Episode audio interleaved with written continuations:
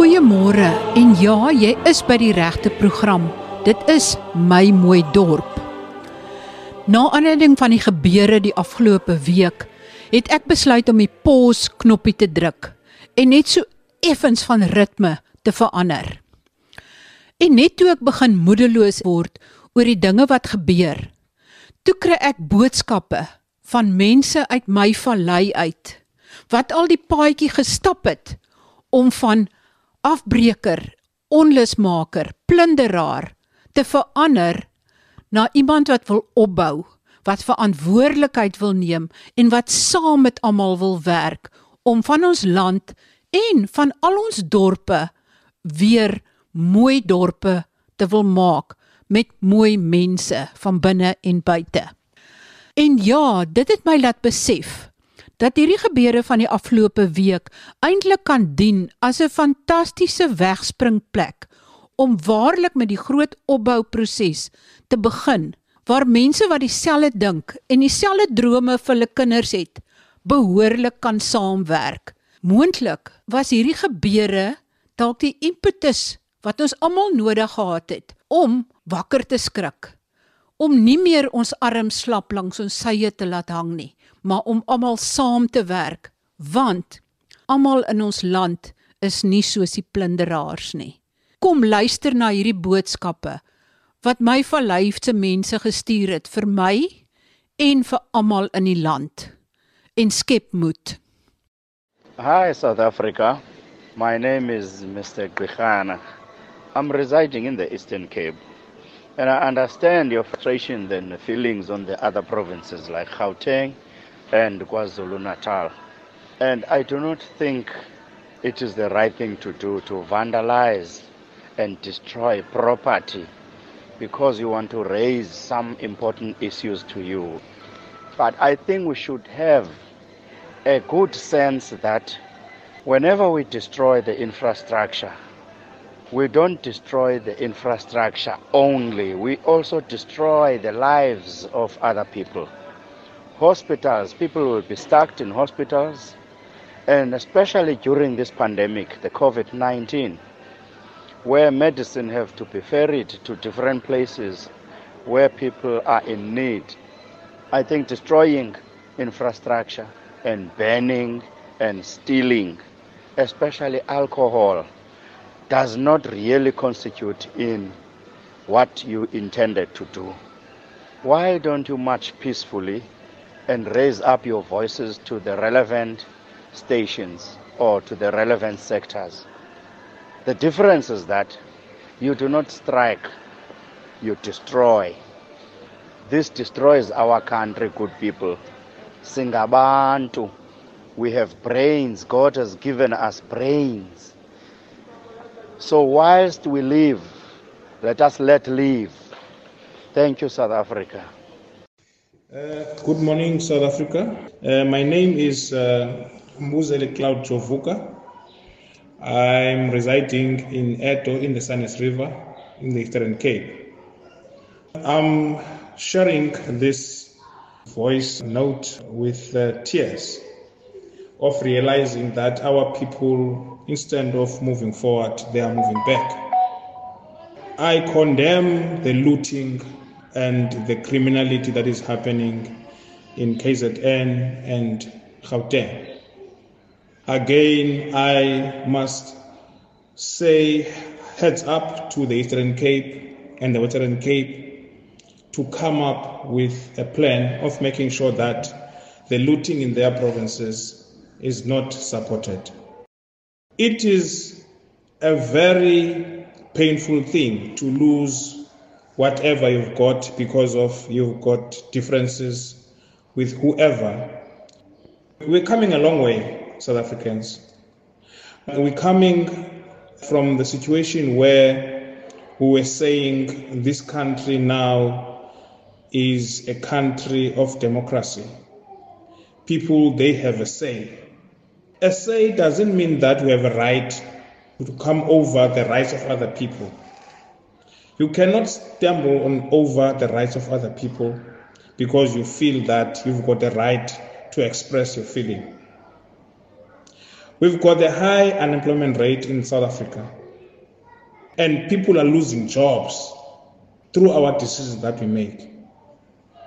In our collaborative in Sunnis River, that was established in 2019, we have learned many ways of dealing with issues.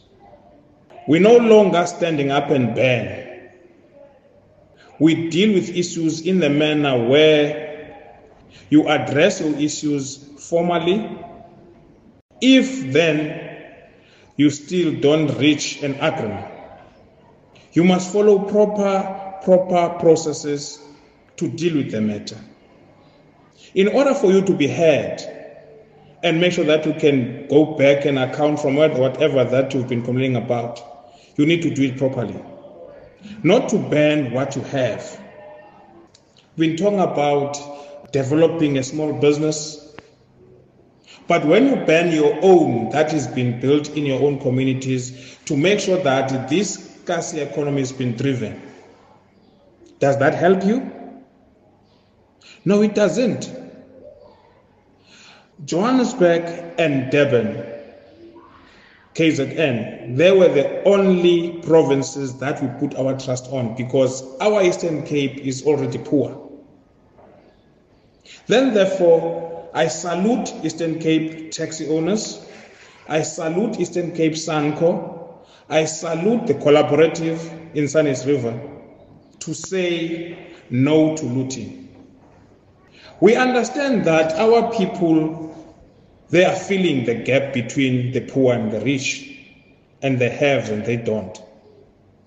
But this is not the solution. The small thing that you have, you burn it. You don't even know how long will it make sure that you, you fix it again.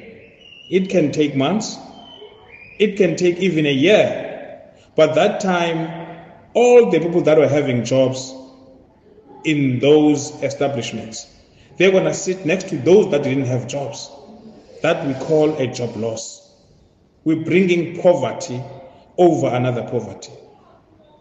Our government should have a plan, like a short term plan and a long term plan to solve this issue.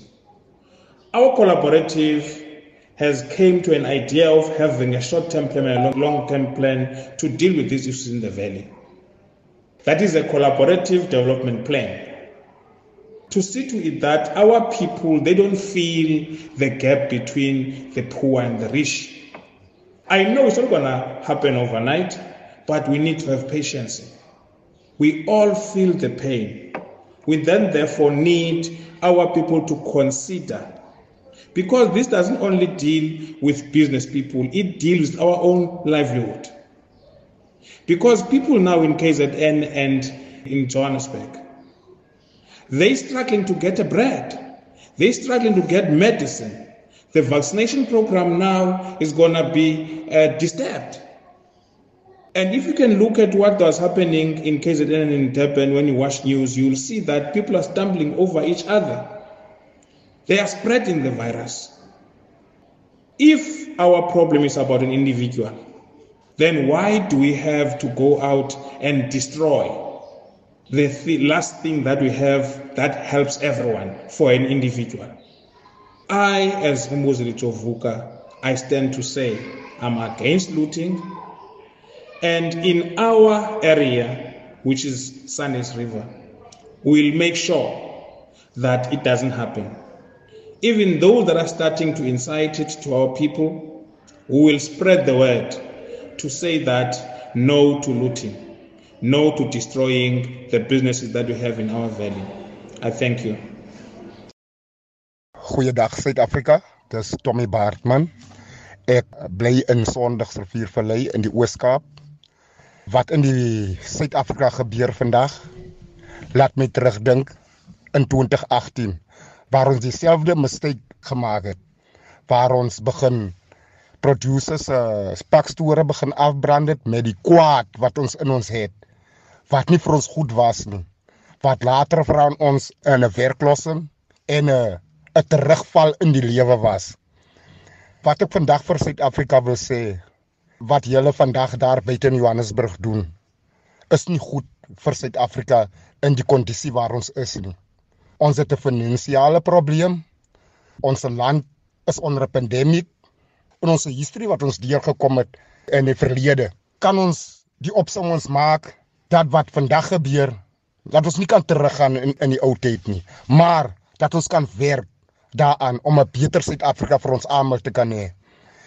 Om ons lewens, om ons kinders se lewens te red van wat ons nou doen, is nie vir ons se kinders se toekoms nie. Maar ek pleit vir Joburg, Gauteng, Free State, oral waar daar geplunder word. Asseblief, ek vra julle om terug te staan. Die infrastruktuur wat ons afbreek, kan nie in 'n dag gebou word nie. Van ons sit na 3 jaar nadat ons ons vallei wou plunder, sit ons nou nog met die probleem om daar uit te kom. Net om te dink 'n klein plekkie in die Sierra Apartment region wat ons wou plunder, maar sukkel ons nog om op te bou. En vir die investors, bly ek vir die investors. Laat hulle moet bly. En aanhou, maar ek dink die gemeenskap het nou bygekom. Ek moes gaan train vir mediasie om my vallei te red uit die probleem waar ons in gewees het, waar ek die voorleier gewees het in destyds, waar ek nie kon dink nie, waar ek nie suiwer kon dink nie met 'n kwaad in my. Maar ek moes teruggaan. Ek moes myself ondersoek en kyk daardeur wat ek in die lewe wil bereik. Maar ek vra vir al die Suid-Afrikaners om tog nie deel te neem aan sulke ding, veral in die Oos-Kaap. Pleeg vir die Oos-Kaap waar dit nog gebeur het nie. In die Wes-Kaap, goeie leierskap. Ek vra julle almal wat nou begin opstaan in die leiers die leiers voor moet asseblief staan julle saam en wys die anders uit watter pad ons moet neem vorentoe in hierdie Suid-Afrika. Dankie. Good morning South Africa. My name is Nzaliseko McBride Scritch. I'm the Director in Communications of Sunrise River Valley Collaborative. This is a setup of all the growers in the Sunrise River Valley, the pack houses, the communities, civil society, and Sunco. Then we established the collaborative. Firstly, I would like to urge the king to have a say, the Zulu king. Not that I'm saying this is ethnic, but it's in his area. Because if his father was still alive, King Zwelithini, we all know hmm. this wouldn't have happened. During the xenophobia, he stopped it immediately, and it has stopped. People listened to him. It's a frustration that they've lost jobs. Now, hooligans did also play a role in this, the criminals. By banning our townships, the malls in our townships, I mean, that was the, the job creation and also upliftment of our livelihood. No, no, South African. Where is Ubuntu? My suggestion is that let us stop this. Leaders, local leaders, church leaders, traditional leaders, political parties, let's play a role. Even families. When your kid brings something that he has looted, why are you keeping quiet? Let's stop this and please, please comply with COVID 19 regulation. I thank you.